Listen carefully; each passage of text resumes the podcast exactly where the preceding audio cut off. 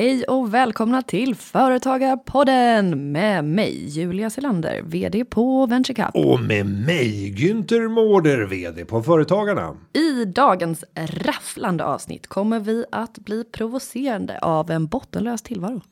Och vi kommer diskutera intellektuellt kapital, påhitt eller kritisk faktor för framgång.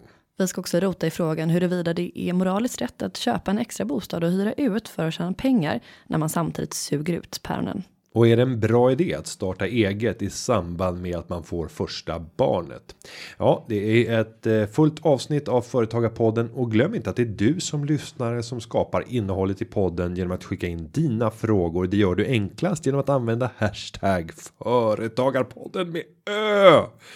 Och det gör man på Instagram och, och Twitter. Man kan också använda formuläret som finns på foretagarpodden.se. Julia, det är dags för Företagarpodden 2.0. Yes! Och vi brukar ju börja de här eh, poddavsnitten med att eh, göra någon form av incheckning där vi eh, tittar på botten och toppen under den här veckan. Och när vi började diskutera botten Julia så ja, vad hände? Nej, men där får vi väl ändå känna att vi inte har presterat så bra i att hitta saker som är botten. Nej, man säger så. ska man ha ett liv som innehåller större spridning och liksom större dimensioner så krävs det nog att både bottnarna och topparna är höga och och just i, i våra liv. Det här vi sa det också. Det kan låta lite förmätet, men men eh, bottnarna är eh, är lite för få. Nu skulle vi behöva lite mer, lite mer rejäla bottnar i livet. Men det handlar inte lite grann om en inställningsfråga också? Alltså hade jag satt på den här podden nu så hade jag ju stängt av antar jag. Jag blev provocerad av mig själv. Men det är faktiskt sant. Ja, men vill du börja? Försöka. Jo men då hade man kunnat leta så här, om man bara fokuserar på att eh, leta bottnar i livet så kommer man hitta dem. Men det, det jag hittade eh, om vi tar yrkesmässigt här så var det i eh, förra veckan så testade vi vårt årsmöte som ska avhållas digitalt för första gången. Så 300 stycken ombud har möjlighet att koppla upp sig digitalt och se livesändningen och kunna delta interaktivt i omröstningar. Och där funkade inte filmtekniken till den här ja, mötesprogramvaran som vi skulle använda. Typiskt obra. Helskotta och där sitter man liksom på ett genrep med alla funktionärer. Men det är ju visserligen bara ett genrep så att det, det är test. Men, men det tog en timme att lösa. Och jag ska inte liksom peka på vår IT-kille och säga att det är hans fel. För att det var verkligen en, en ikon som bara försvann från programmet. Det löste sig, men det var jäkligt jobbigt när man sitter där och bara ja, då ska vi köra företagarnas första digitala årsmöte. Eh, generalrepetition och så havererade allting. Men det här det är bättre. Jag vet från musikens värld att det är alltid bra när genrepet är riktigt dåligt. För då kommer man att vässa sig och vara stå på tårna när det väl gäller. Ja, Jag tycker det låter som en bra inställning. Men det är, också- jag känner spontant när man pratar om teknikstrul, det enda som jag tänker är, har du provat att starta om? Jo, jo det, var ju, Datorn. det var ju det första jag sa till IT-tekniker. Vi, vi kanske borde starta om datorn. De bara? Åh, Supertips, Günther. Ja. Annars så kan du pröva slå på sidan. En spansk lagning. Tre stycken kraftiga slag på sidan av datorn. Som brukar funka. Funkar nio fall av tio. Ja. Så var det förr i tiden med de här fläktarna som fanns i stationära datorer. De kunde komma lite på snedden och så, så började det låta. Då kunde man slå på den. Dun, dun, dun, dun. Just Och då kom den lite i balans igen. Ja, Ja. spanska lagningen. Har du haft någon botten? Ehm, som sagt, jag har funderat och funderat, men just nu känns mitt liv väldigt eh, bra. Eh, så att jag, jag, det jag kunde rassla fram här då, är väl tid. Jag känner att jag har liksom för lite tid. Åh, Ja, men, det, Ah, skulle och det här provocerar ju dig Ja. som har barn i hela faderullan. Men Då skulle, då skulle alla vi som har så mycket tid bara Nej, kunna skänka dig allt dessa. Ja men gärna det. Nej men på riktigt, jag gör så otroligt mycket saker och har så jäkla högt tempo. Och jag har också en livssituation som jag är väldigt stolt över att jag har skapat. Om jag ska vara ärlig med fruktansvärt hårt slit av, från min egen sida. Så det tycker jag man ändå får säga. Men eh, mitt jobb och mitt privatliv går ju ihop eh, som en cirkel. Så att jag vet inte om det är lördag eller tisdag. För att det är alltid roliga saker som händer. eh, mitt jobb och mitt privata. Alltså det, det är väldigt nära och de personer som jag träffar på jobbet träffar jag oftast privat också och det är ja, högt tempo och det jag har märkt är att jag vill ju inte ta bort någonting. Så att då blir det ju sömnen. Så där är jag nu. Ja. ja, och det där med att livet går ihop. Det är otroligt vanligt för att privat och yrkesliv går ihop. Det är vanligt för företagare. Mm. Eh, när känner du att det här blir en, en stor belastning? Finns det lägen? För att för mig så ser jag mest njutning med att det är svårt att särskilja vad det är. Men det är klart att det finns baksidor. Va, va, va, när uppenbaras baksidorna av den här sammanblandningen för dig? Mm, ja, men exempelvis. Jag tror ju på att vara en väldigt inkluderande och en chef som, som ser personal och det är inte för att jag, jag vill vara en trevlig person, det är för att jag tycker att det blir roligare, så att det är ju rent egoistiskt också. Ehm, jag blir provocerad av folk som tycker att nej, men man kan inte vara kompis med sin personal. Jo, det är väl klart man kan vara det. Ehm, men ibland så kan jag tänka utifrån att vissa typer av personer ser det som att men gud, så här kan du inte göra med sin personal. Man kan inte gå ut och festa med dem som man jobbar med. Man kan inte lägga upp tokiga saker på Instagram om man då har en, en yrkesmässig profil upprätthålla och sådär. Och jag tror ändå i det långa loppet att det är bättre att vara sig själv. Sen finns det ju gränser och det är väl där som jag kanske ja, har varit och snuddat någon gång. Men det, det känns som att man blir lite mer intressant än när man är lite för nasal. Jag bjuder absolut gärna hem min mina kollegor till mig om vi ska ha en kickoff eller alltså så här, inkludera, det tycker jag är kul. Men där finns nog ja, en utmaning att hitta den gränsen tror jag. Vad tycker du? Eh, jo, och jag tror att det är lättare för chefen att säga det för att där kan man själv dra gränserna. Mm. Eh, det är svårare för den anställde som får ta emot allt det här från chefen och som själv inte kan kontrollera när när är det tillräckligt. Ja, absolut. Man, nu, nu har det passerat gränsen. Eh, och det är lite grann som att man man har en förväntan och en bild av hur saker och ting ska vara. Hur en chef ska vara, mm. hur ett kungahus ska vara eh, och hur medarbetare ska vara. Ja, precis. Nej, men jag skulle bara vilja avrunda den här otroliga bottensituationen som jag befinner mig i. Skämt åsido med att jag har, jag inspirerats av dig. Jag känner att jag skulle må väldigt bra av att ha eh, en, eh, inte assistent tycker jag låter märkligt, men någon som kan eh, ha världens roligaste praktik i höst kanske. Mm. Så det är en, en gintern. Eller vad blir det? Ja, Jultörn. Julian turn. Ja, inte, vi får slipa lite på det där uttrycket. Men en eh, toppen då. Om jag ska gå över till det. Dels så har jag haft en förbannat rolig helg. Eh, jag har ju förmånen att sitta på ett kontorshotell. Jag ska göra lite reklam. The Park heter de eh, som har blivit navet i hela mitt sociala liv. Alla mina bästa vänner jobbar där. Eh, vi går ut tillsammans, vi käkar middagar tillsammans, vi reser tillsammans. Alltså det är så fruktansvärt kul. Och en av mina eh, kära vänner har då släppt eh, en ny låt, eh, hans tredje, han är grym. Så han hade releasefest på Spybar i helgen och det var ju succé. Han ville inte sjunga låten själv så de hade tagit in Johannes Brost som skulle tolka låten fast by spoken word. Ja, det var knasigt. Väldigt, väldigt kul. Han, han hade release av sin senaste låt som han inte ville sjunga. Ja. Eh, jag rekommenderar alla att gå in på eh, valfri plattform och söka upp eh, DAF heter han.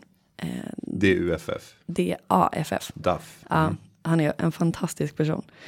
Så kul. Eh, nej men och där, där någonstans i det här så diskuterar vi också fram nya företagsidéer då, vi som ändå sitter bredvid varandra men inte jobbar med samma bolag. Eh, så att vi har, vårt namn här då kommer på att vi som satt och pratade om det, det får ju bli våra efternamn.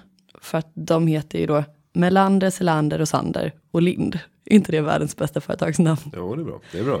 Ja, nej, och sen så högt och lågt här. Men jag klippte mig själv eh, hemma. Det ser bra ut. Tack, och det har jag gjort sedan jag var tio. Mm. Um, så att, uh, jag känner att det blev jäkla bra. Och jag vill lägga in detta i sparad krona. Mm. Är du stolt? Jag är mycket stolt. Bra. Eh, då har du klippt dig längre tid än vad, än vad jag har gjort. Jag brukar inte alltid klippa mig själv. Eh, jag, jag, låter respektive göra det. Ja, men det är lite lättare som tjej tror jag. För att då är det bara att titta sig i spegeln och så tar man två snipp. Liksom. Men och sen eh, om vi ska titta lite på jobbmässiga toppar. Du, nu dundrar jag på med toppar. Ja, det är mycket ja. toppar. Ja men det är liksom en rolig tid på gång. Det är mycket, det är regionfinaler nästa vecka, sen så har vi en Sverigefinal i september, vi har ledningsgruppsworkshop eh, med nya styrelsen nu snart om några veckor, jag är så taggad för det. Ehm, jag får träffa entreprenörerna mycket eh, mer ofta nu när tävlingen gått så långt och vi ser finalister och sådär.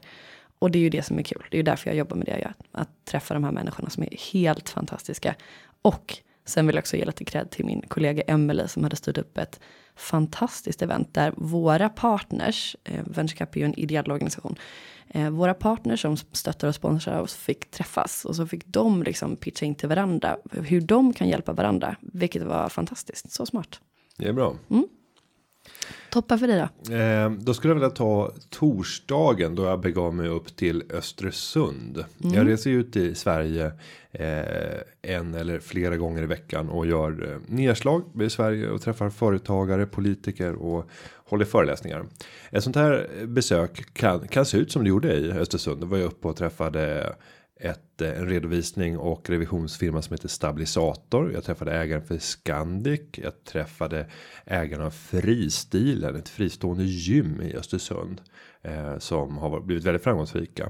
Och en av de senast grundade redovisnings och revisionsfirmorna i Östersund som heter Edlund och Partner som har vuxit så det knakar. Och sen hade jag en föreläsning på kvällen som handlade om svensk ekonomi och börsen. Det här är min syn. Och den ligger ute på Youtube så där kan man konsumera innehållet. Så fram med mm. popcornen och, och njut. Ehm, men det är alltid roliga dagar såna här och då är det oftast ett gäng från lokalföreningen som följer med ut på de här företagsbesöken. Så jag gjorde en intervju för Länstidningen som är näst Östersunds posten, den stora tidningen i i eh, Jämtland. Och det är en röd tidning, eh, men det är roligt att de ändå valde att att komma ut och skriva en stor artikel om om företaget och företagens villkor i i Jämtland. Mm. Ja, så att så ser det ut. Så brukar jag göra. Och den här veckan så kommer jag åka till Malung och sen vidare till Älvdalen. Och då har jag förklarat för min dotter att från Älvdalen så kommer en prinsessa. Oh. och så frågade hon om hon fick ha på sig prinsessklänning men insåg ganska snabbt att det kan ju bli lite farligt för då kanske de kommer fråga är du också dotter till kungen? Och det är ju inte jag. För jag är ju dotter till dig. Så att eh, vi kom, kom överens om att nej hon ska nog inte ha prinsessklänning. När vi åker till Älvdalen. Ett, jag känner att jag avgudar din dotter. Två, nästan lika bra som att vara dotter till kungen. Ja, eller hur? ja men vad härligt. Vi har en, eh, vi har en peppig stämning.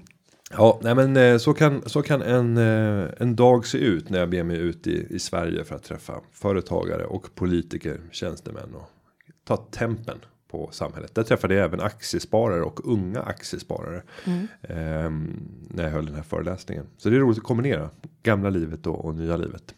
Men nu tycker jag att vi ska kasta oss in med första frågan. Det tycker jag också. Och vår första frågeställare heter Chalmeristen uteliggar Bob. Och får jag göra en halvhalt innan jag ens börjar läsa frågan? Jag tror så att säga att stämningen kräver det. Ja, när jag hör den här Chalmeristen uteliggar Bob så drar jag till minne att jag har fått höra att det finns en person på Chalmers som själv valt har bosatt sig eh, utomhus i tält och går in och duschar och byter om eh, innan folk kommer till till Chalmers. Eh, det var någon som berättade om det här när jag var ute och när jag var där och höll någon föreläsning i terminsuppstarten. Och jag undrar om det är den här personen, men här kommer frågan i alla fall. Och det här gjorde han enkom för att spara pengar, vilket gjorde att jag närmast blev tårögd. Jag tänkte precis säga, du uppskattar väl det här något enormt? Ja, alltså att välja bort boende för, jag tycker för att, att kunna spara krona för att sen kunna vinna större friheter att kunna disponera sitt liv till det man vill göra helst av allt. Det känns som att gränsen för mig har gått för länge sedan här. Jag kan lära ut lite i slösad krona, men det tar vi sen. Chalmeristen uteliggar Bob får får återkomma i den frågan. Mm. Men så här skriver han. Jag har en kurs i ekonomistyrning och har lite funderingar kring intellektuellt kapital. Förstår tanken med det, men är det praktiskt användbart? Eller är det bara konsultbolag med låga tillgångar som tycker att de är undervärderade som gillar konceptet? Tack för en lärorik podd som är perfekt på gymmet. Nytta med nöje helt enkelt. Hälsningar Chalmeristen uteliggar Bob. Men vad trevligt. Tack så mycket för en spännande fråga. Chalmisten uteliggar Bob. Vad ja, kul. Var börjar vi? Ja, men för det första låter det ju otroligt spännande med att han har en, en kurs i ekonomistyrning. Jag vill också kunna säga så här. Jag har en kurs i bara, inte jag har gått en kurs i utan jag har en kurs i. Ja, Jag vill också ha en kurs oavsett om det är på Chalmers eller om det är på KTH eller på Handels. Strunt samma. Det är- Eller KI. Jag, jag vill ha en kurs. det kan vi ordna. Vi löser det. Ja, Ja, ge mig en kurs. andlig vägledning av Günther Mårder. jag tror ändå att det hade fått intresse. 7,5 eh, högskolepoäng. Ja. Det hade varit någonting. Ja. Men intellektuellt kapital då? ja, jag tänker att vi behöver kanske börja med en eh, definition. Mm, vill du ge det på ett försök? Ja, och för, för mig så är den inte självklar. För att visst kan man prata om sådär. Det, det antyder att det handlar om intellektet. Och att eh, det är gruppen. Eh, jag menar, det är bara människor som kan vara intellektuella. Och ha ett intellekt. Stämmer. Mm, Och därmed så måste det återfinnas i arbetskraftens eh, sinnen och det som skapas när arbetskraften eh, interagerar och arbetar med varandra. Så där har vi någon form av grunddefinition att det måste vara någonting kopplat till det mänskliga och det måste vara användbart. Jag menar, du kan ju sitta med en bunt filosofer som har ett extremt högt intellekt men som har synnerligen svårt att producera någonting av ekonomiskt värde eftersom det finns en mycket begränsad efterfrågan på vad de kan skapa. Men tänk att ta tio av de främsta filosoferna i Sverige, placera dem i ett företag som har balansräkningen, jajamensan, intellektuellt kapital. Det är fan 200 miljoner här. Men det kommer inte komma någonting säljbart ur den här gruppen. Jag tror att det är lite så som Chalmeristen Uteliga Bob eh, kanske eh, går in med den här frågan. Att här, verka lite skeptisk till det här. Ja, och sen kan man översätta det då till konsultvärlden. Eh, För där är det ändå lättare. För där kan man ju ändå se om konsulterna säljer någonting. Och det är svårt. ja, Det här med intellektuellt kapital. Det finns ju aldrig i någon balansräkning. Du kan aldrig ha en rad där det står intellektuellt kapital. Du kan ha immateriella tillgångar. Och det är tillgångar som eh, inte går att ta på. Och det kan vara goodwill är en immateriell tillgång. Och den kan ju vara skapad av att du har betalat ett mycket högre pris för ett bolag än vad de verkliga tillgångarna faktiskt visar. Och då måste du, då har du betalat ett övervärde för någonting. Ja, vad var det du betalade? Det kan ju vara varumärke. Det kan vara det intellektuella kapitalet. Det kan vara immateriella rättigheter som till exempel vad vad folk tänker på. Känslorna kopplar till det här varumärket eller eh, liknande. Men jag tänker om man tittar på eh, engelska eh, motsvarigheten så heter det väl just eh, intellectual property rights. Och det är immaterialrätt.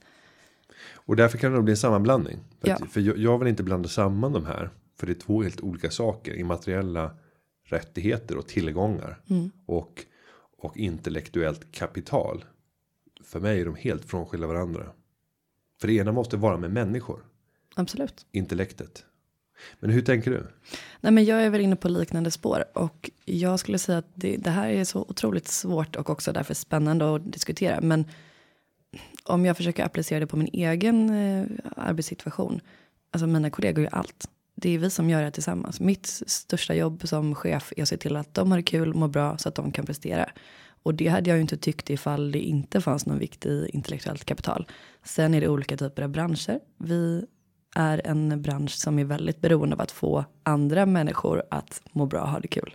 Det är ingen som vill vara med och tävla eller ge feedback eller sponsra en organisation som man inte tycker verkar rolig och bra och inspirerande. Så att det, det är ett heltidsjobb att få folk att, att bli inspirerade men det är fantastiskt kul. Och eh, därför så tycker jag att det är viktigt. Men frågan är hur viktigt? Min magkänsla säger att det är jätte, jätteviktigt. Men att mäta exakt, det är lite klurigare tycker jag. Och har ni försökt definiera någon gång? Suttit ner- satt er ner med någon typ av modell för att kalkylera hur ser det ut? Vad har vi för kompetensbrister? För det är ju det det borde yttra sig. Om man har svagheter på det intellektuella kapitalet så är det förmodligen att man har en lucka när det gäller någon, någon vital kompetens som behövs men som saknas i det teamet man har byggt upp. Både ja och nej. Vi har ju försökt titta på det. Det är klurigt. Det är men- mycket mumbo jumbo inom Ja den här men det, världen det också. är såklart och det är därför det det, också blir någonting. det. Nej exakt. Men jag skulle säga så här. Vårt varumärke exempelvis Venture Caps logga och varumärke. Det är ju såklart värt någonting. Det är konkret. Det är ett, ett varumärke som har funnits i snart 20 år. Som är trovärdigt och ja, bra liksom. S- Tar man bort de personerna som är med i Dels och jobbar i vår organisation men också i våra stora nätverk som dessutom gör det ideellt för att de tycker att det är kul. Finns det ingenting.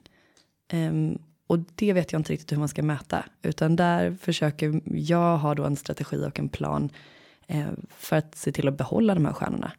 Att utveckla dem. Eh, sen, sen så räcker det för mig att jag vet att de är viktiga. Jag skulle nog kunna behöva titta lite mer på, okej, okay, men vad händer ifall den här personalen slutar? Hur ser jag till att eh, de har olika kundrelationerna och kontakterna och inställningarna som personalen framgångsrikt har eh, skapat under några år, att de inte bara försvinner. Men det är ju samma för alla företagare. Hur tänker du? Nej, tar vi utligga Bob nu och mm. ska vägleda honom i i, i tanken. Nu, nu har han en kurs i ekonomistyrning. Mm. Han har en kurs. Um, och då, jag tror att han vill bli konkret för ekonomistyrningen så vill man vara mer konkret, men det är Absolut. fortfarande inte bokföring. Det är inte löpande bokföring och liksom göra bokslut. Eh, för där är det ju rätt och fel. I ekonomistyrningen så är det ändå lite mjukare. Så han börjar gränsa åt liksom det mjukare som återfinns inom management. Eh, delen inom, inom företagsekonomi. Men vad man kan göra om vi tar konsultfirmor. Det är att titta på vilka jämförbara konsultbyråer finns inom den här nischen.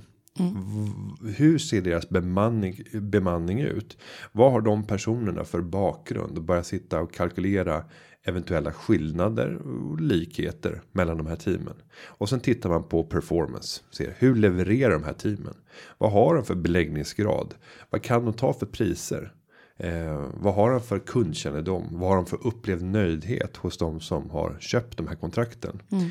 Och gör man det som forskare och kommer utifrån. Då skulle man faktiskt kunna komma fram till någon form av intellektuellt kapital och kunna mäta och se hur stor skillnad det är när man kan börja justera för de här effekterna i att jo, men det här teamet de har faktiskt en något högre grad av utbildning och lite längre arbetslivserfarenhet.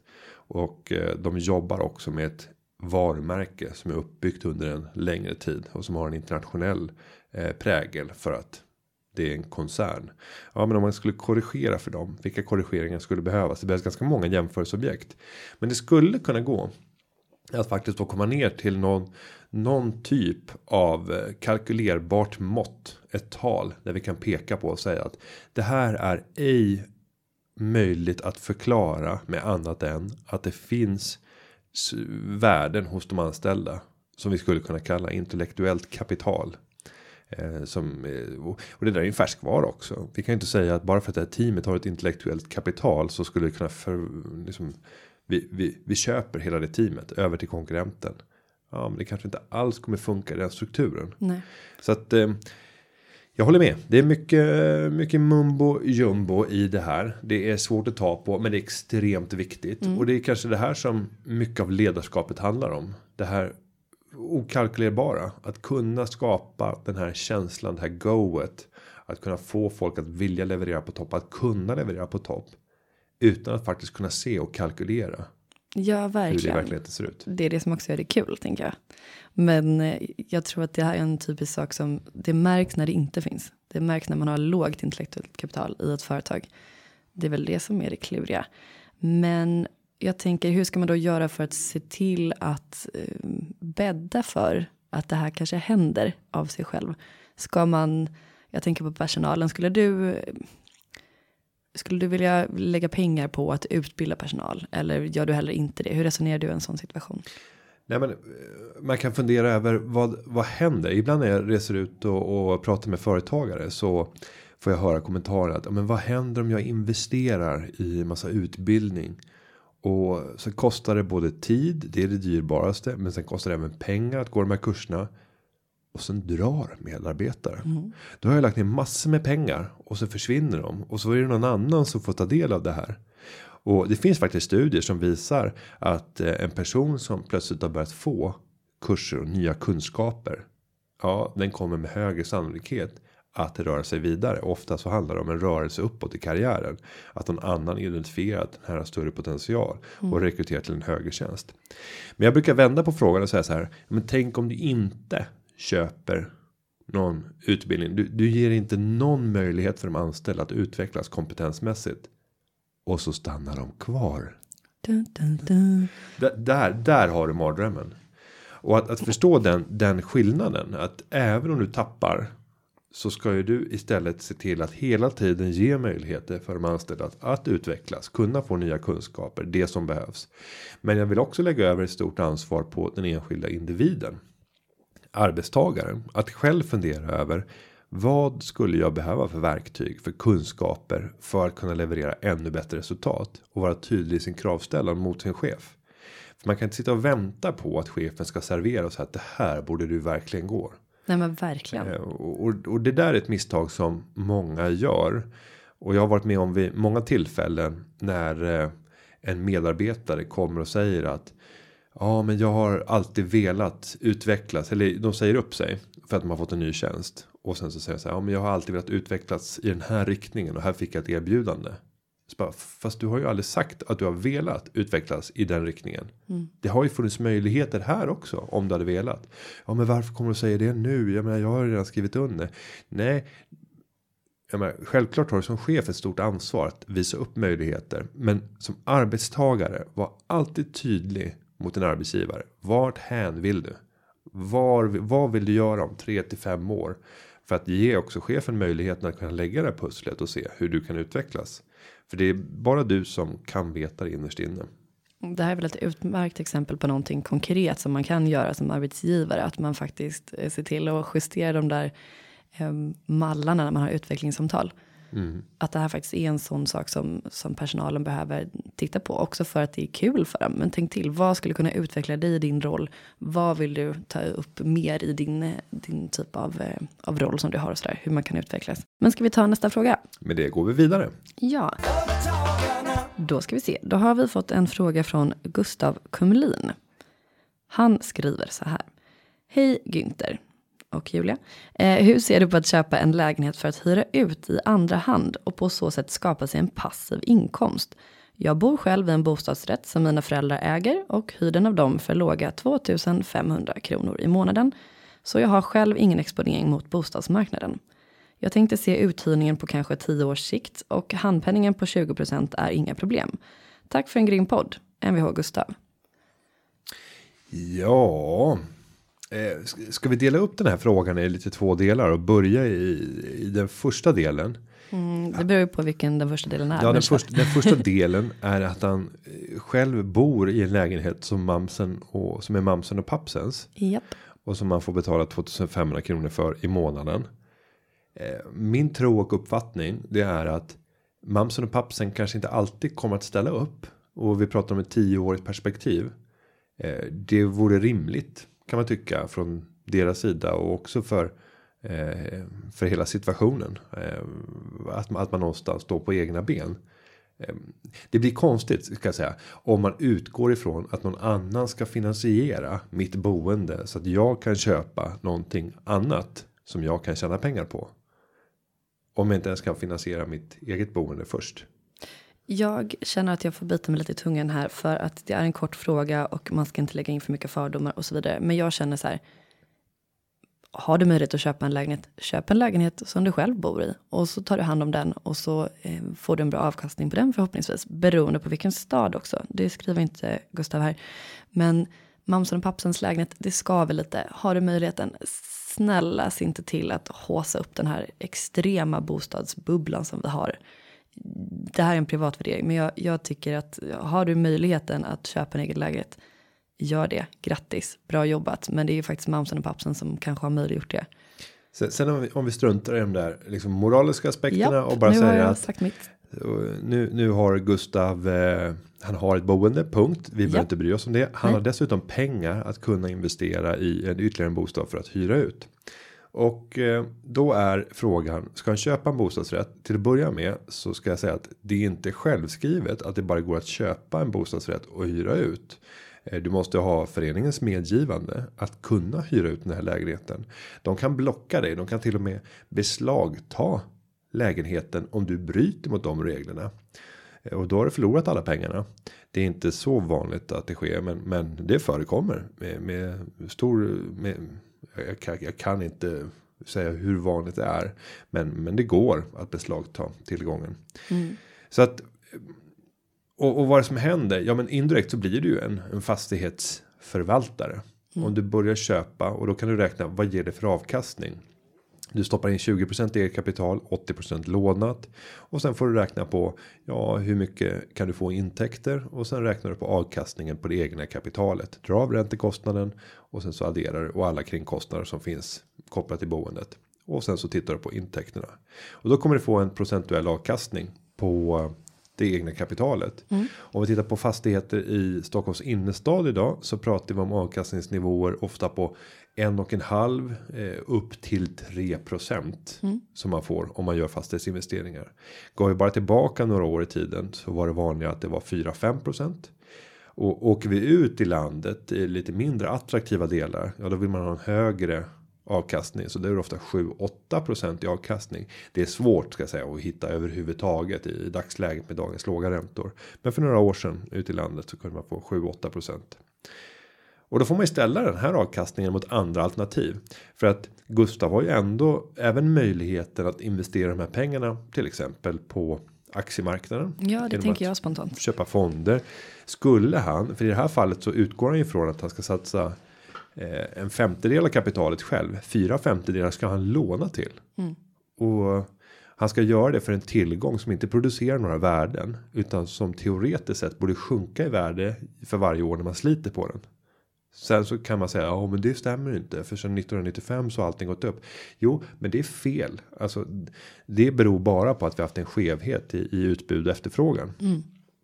Så det jag skulle vilja komma åt är att normalt sett så är det mycket bättre att investera i tillgångar där det finns en förädlingsprocess. Där det är någon som skapar ett värde som genererar kassaflöden. Inte som kräver kassaflöden i form av avgifter in till föreningen. Utan som ger kassaflöden till form av, i form av överskott.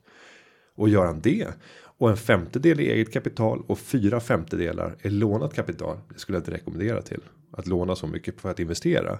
Men egentligen så är det en mer rimlig tanke att låna pengar för att köpa aktier än att låna pengar för att köpa en lägenhet. Det är ju helt sjukt att man Ja. lånar pengar för att köpa en lägenhet. Det är en bisarr tanke. Ja, men det är det verkligen. Eh, men det är vi helt vana vid och tycker det är helt normalt. Men sen att låna för att köpa aktier. Det är vi jätterädda för. Ja, men jag tror också att det är det som är grejen. Att just nu så går det ju oftast väldigt bra. För, på, på, alltså snabbt helt enkelt. Om du köper och säljer lägenheter. Exempelvis i Stockholm då. Om vi ponerar att, att det är eh, den här staden som Gustav vill eh, köpa lägenhet i. Ehm, men jag tänker så här. Oavsett mina privata åsikter och sådär. God situation. Du har cash. Du vill investera i någonting. Men jag skulle säga precis som du. Börja titta på. Är verkligen fastighetsbranschen där du vill eh, börja och hur gör man rent praktiskt ifall man vill göra det här. Du behöver godkännande från din förening. Okej, kanske bör, läge att börja kolla lite föreningar och hur det funkar där. Var någonstans och hur ser man på risken för en, en bubbla och så vidare. Men eh, ja, och sen ska man även ta upp skatteaspekter för att upp till 50 000 kronor i eh, intäkter från uthyrning får du tjäna beskattning eh, utan att, att beskatta för dem. Men tjänar du pengar därutöver så ska du beskatta det som näringsverksamhet. Och egentligen så är det så här att det är 40 000 som är skattefritt, men du behöver bara ta upp 80% av intäkten. Därav så blir det 50 000. smart. Men, men tjänar du från ja, 50 000 uppåt för varje krona där så ska du beskatta det som om det vore en, en, eh, en verksamhet som du bedriver och då förändras hela kalkylen. Och sen ska du också titta på en annan variant för den har jag funderat på själv. Det är att eh, köpa en villa som är jättestor. Gigantisk villa. För att sen hyra ut. Att göra om till mindre lägenheter och där jag själv bor i en av dem och kanske hyr ut fyra stycken lägenheter. Men då stötte jag på ett problem. Eh, när jag pratade med min bankman. Och det var att då sa han då ska den här omklassificeras till en hyresfastighet. Och då gäller inte samma lånevillkor. Du har inte samma säkerhetsregler. Eh, Och det blir en helt annan kalkyl. Och har du omklassat det som en hyresfastighet. Då gäller andra beskattningsregler. Så att eh, min kalkyl välte på det. Då kan man ju alltid välja att gå vidare och säga så här att. Men jag gör det ändå och jag gör det svart. Eh, ja, men då bryter du mot lagen. Ehm, för mig fanns det fler aspekter än bara den rent rättsliga. Eh, med tanke på att jag även har ett, ett namn och ett varumärke som som uppbär någon typ av, av värde som skulle kunna komma att raseras om det visar sig att nej, men Günther en stor villa där han hyr ut lägenheter svart. Man kan säga att ditt intellektuella kapital hade gått eh, rasande fart neråt. Ja, det finns inte så mycket intellektuellt, men det är i alla fall någon typ av immateriellt värde. men, jag tänker. Det går inte att förklara, men, men ändå så, så går det bra för grabben. Ja. Eh, nej, så att jag skulle råda Gustav till att titta på den finansiella marknaden, särskilt på på aktier istället för att investera i fastigheter. Om det inte är så att du verkligen känner att ja, jag vill verkligen ge mig in och bli en fastighetsförvaltare. Och då ska du tänka annorlunda. Då är det inte en lägenhet som du ska ha som du hyr ut i andra hand. Utan då är det en hyresfastighet som du ska köpa förmodligen. Där du tittar på möjligheten att ombilda eller förädla ett bestånd. Kunna sälja det vidare. Eh, annars så är, är den finansiella marknaden betydligt bättre. Ja, men jag tänker att man får också räkna på. Det är alltid såklart kopplat eh, risk till eh, till företagande och till sådana här typer av investeringar. Hur stor är den risken? Inte bara i procent utan också i. ah, Jag vet inte hur man sover på natten. Det är någon person som ska bo och eh, leva och spela musik, slita på alla grejer, bråka med grannarna, vad vet jag, i den jättevärdefulla investeringen du har gjort. Jag hade nog inte velat göra det. I alla fall inte köpt den för den orsaken. Men det är en smaksak. Kan vara värt det. Med det så tycker jag att vi har gett Gustav ett svar och kastar oss vidare i nästa fråga. Ja, Vår nästa frågeställare heter eller kallar sig Målan och eh, kommer från norra Sverige. Han säger så här och jag ska säga att den här frågan eh, har kommit in för ganska länge sedan. Eh, så att det kan ha inträffat någonting vid det här laget. oj spännande. Hej, nu är det så här att jag ska bli pappa om några veckor. Känns väldigt bra. Och vid det här laget Målan så tror jag att du har blivit pappa tillsammans med eh, din sambo, fru eller partner eller vad det nu är. Och vi säger från Julia och mig ett stort och varmt Grattis! Samtidigt så går jag i tankarna om att starta upp ett måleriföretag. Har ni några tips på hur detta skulle funka? Jag tänker att det kommer att vara svårt att kombinera småbarnsliv med ett nystartat företag. Hälsningar Målan. Gud vad mysigt. Jag tänker att vi kan väl dra vissa slutsatser. Att målaren då eh, har the know-how att eh, börja måla i egen regi. Eftersom att han eh, signerar med målaren. Jag hoppas verkligen det. Det att det här varit- är en yrkesskicklig målare vi har att göra med. Ja, eh, spännande. Jag har ju kanske inte lika stor legitimitet som du i den här frågan. För att jag har inga barn. Men Och du är inte målare. Och jag är inte målare. Gud vad jobbigt det hade varit om man behövde vara som de personerna som frågade hela tiden. Det hade blivit ganska snävt. Eh, men eh, lite kan jag ju inom området ändå. Och då tänker jag så här. Gud vad kul att du går i tanken att starta eget. Varför då? Hur ser din situation ut i dagsläget? Är du anställd i ett måleriföretag? Kan man kanske tro. Och vad är det som gör att du vill köra eget och börja där? Um, för jag tänker sen att det finns olika typer av egenföretagande. Antingen så drar du igång allting själv eller så kanske man konsultar lite. Vad tänker du? Eh, nej men likadant. Jag eh, tror att eh, för, för målaren här.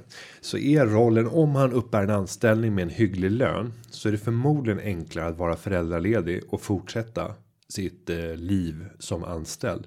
För tyvärr ska jag säga att föräldraförsäkringen även om den har blivit bättre för företagare.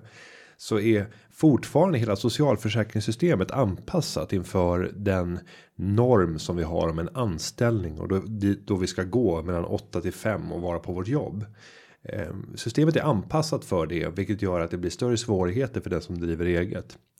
Men om vi nu tänker på om han vill starta upp en verksamhet så kan han ju tänka sig att eh, dels göra det under sin föräldraledighet om man tänker sig starta en riktig egen firma där han ska sälja in sig och sälja jobben, inte bara sälja sina tjänster. In, jo, om vi tar två olika typer av måleriföretag. Ja, Det ena företaget är eh, det enklaste. Det är att man är sin egen. Man är en eh, målare som har en F-skattsedel. Man kanske har en enskild firma. Eh, men allra helst så tycker jag alltid att man ska välja ett aktiebolag. Sen går man till ett, ett måleriföretag och säger att jag hyr ut mig som målare. Och det kostar så här mycket och jag skulle förmodligen säga 400 kronor beroende på var man är i norra Sverige. Beroende på om man är i en storstadsregion eller ute på på glesbygden. Inne i storstan 400 450 kronor i timmen. Skulle han förmodligen behöva ta x allting när det gäller eh, material och utrustning. Eh, är han ute på glesbygd 350 400 kronor exklusive allt som behövs däromkring. Eh, det är ju det enklaste och det är också mindre riskfyllt på ett sätt för du behöver inte själv hålla på och sälja in uppdragen och engagera dig i de, i de delarna. Å andra sidan så är det också väldigt riskabelt för du kan ju förlora ditt jobb om det företag du jobbar för helt plötsligt får färre uppdrag. Du är den första som ryker. De anställda kommer vara kvar för de är svårare att säga upp. Det andra det är att du själv startar upp ett eget företag som har för avsikt att jobba med ett liksom varumärke, sälja in och ta helhetsansvar för uppdrag. Och då är det en helt annan risk. Eh, Det kommer ta mycket mer tid. eh, För det är många fler kunder du måste bearbeta för att kunna vinna den uppdrag. Så att där ska man verkligen vara på det klara med vad det är man vill åstadkomma innan man väljer det steget. Vad är det du kan tillföra som ingen av de befintliga aktörerna gör i dagsläget? Det kan vara att du har bättre kontakt med skickliga målare. Så du har lättare att rekrytera personal. Eller det kan vara att du har en modell för hur du skulle vilja sälja in uppdrag som är unik och som kommer att locka fler kunder. Eller att du tycker att alla andra aktörer är så himla trötta. De är så dåliga på att motivera sina medarbetare. Så, så de är ineffektiva och det blir kostsamt för kunden. Men någonting unikt måste det vara som du tillför. Om du inte har det unika så kommer det vara svårt för dig att slå dig in och bli en framgångsrik aktör på det här området. Ja, och sen tänker jag också att man får räkna lite på. Eh, en, man måste ha en plan. Nej, men eh, du behöver titta på hur länge tänker du vara pappaledig? Eh, vad tror du kommer behövas? Eh, tid kanske inte. Ah, både ja och nej har jag förstått som att man har. Eh, ska du skapa någonting helt nytt? Eh, ett varumärke som inte finns, kunder som inte finns, skaffa beläggning så att det täcker och så här. Det, det känns spontant stressigt. Eh, Så jag skulle nog. Jag skulle nog rekommendera att konsulta i sådana fall. Och det är väl superkul. Det är utmanande nog. Ja, eller eh, så skulle rådet kunna vara att stanna kvar i sin nuvarande anställning som jag tror att han har. Och därefter eh, under föräldraledigheten se till att öva upp en särdeles administrativ förmåga. Eh, för att det kan jag ofta, se att där är det skillnad mellan mellan kvinnor och män. Ofta så eh, en femtedel av alla företag som startas av en kvinna startas under föräldraledigheten. Så är det inte bland män. Och jag tror att det hänger samman med att kvinnor kan i hög utsträckning organisera upp och ha alla de här bollarna i luften. Och för dem så blir det lättare om vi ska grovt generalisera att klara av situationen med ett barn som skriker och är oregelbundet. Eh, än vad det blir för en man. Jag vet själv hur jag blir. Jag bara fokuserar på den här uppgiften som ska lösas här och nu. Och jag tycker det är jättestressigt jämfört med att jobba med de här stora strategierna. Lägga verksamhetsplan för 2017 2018 för företag. Det tycker jag är en baggis i förhållande till att sitta och sen så ett barn som inte tar emot maten som jag försöker mata med här nu. Jag blir frustrerad. Oberäkneligt. Oberäkneligt. Eh, men klarar man av de situationerna och är skicklig på att motivera, entusiasmera sitt barn, då kommer du få tid över. Och det får många kvinnor lyckas frigöra den tiden. Eh, men det är däremot mindre vanligt. I alla fall när jag pratar med de som jag har min, min omgivning. Bland män. Att man lyckas ha den organisatoriska förmågan. Så mitt uppdrag till målen. Det är att se och inspireras av alla ninjor på struktur och ordning. Se till att kopiera det de gör. För att frigöra tid under din föräldraledighet. Då du kan sitta. När barnet på sina regelbundna tider.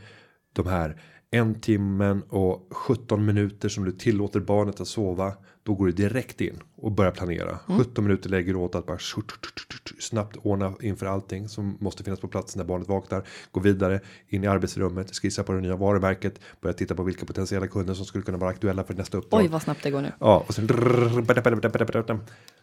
och skapar the master plan Ja, som kan som man kan skriva skriva till verket med när allting kommer in i det normala igen och man börjar hitta de här rytmerna och när du ser att men det kanske är dags för förskola. Barnet är ett och ett halvt år gammalt. Nu skolas den in. Då kanske man tar det klivet. jag tycker det låter som en utmärkt plan. Man eh, planerar för en eh, framtida framgång helt enkelt. Kanske till och med börja sälja in. Ja. Kanske till och med liksom ta med barnet. Eh, Och då ska du göra det innan barnet börjar springa och, och krypa och Men det är väl en jättebra utmaning. Försök att lägga en bra grund och ta med den här otroliga eh, peppen kring att bli, bli egen med att okej, okay, utmaning från Företagarpodden till dig. Du ska skaffa din första kund under den här perioden. Och jag vill höra om den här resan också. Så jag fortsätt också. Målan och skicka in berättelsen om vad som händer i uppstarten av ditt företag. Så kul, jag blir alldeles pirrig av sånt här. Mm. Roligt, men eh, stort lycka till. Och med det så ska vi avsluta dagens avsnitt och vi ska uppmana alla våra lyssnare att gå in och eh, recensera podden. Det kan mm. ni göra på iTunes till exempel eller den poddläsare som ni använder podcaster eh, som iTunes läsare heter eller någon annan. Och vill ni ställa frågor till podden, hur gör man då? Jo, men då använder man hashtaggen företagarpodden. Det kan man göra på Twitter, det kan man göra på Instagram. Man kan också likea och kommentera, det älskar vi. Vi ser allt. Eller så kan man fylla i formuläret på hemsidan. Och det finns på företagarpodden.se. Ja. Och med det så säger vi tack för den här veckan och säger att den här podcasten har eh, klippts av Gustav Dalesjö. Tack så mycket. Tack så mycket. Ha en bra vecka. Hej, hej. hej. Företagarna. Ja, ja, ja, ja,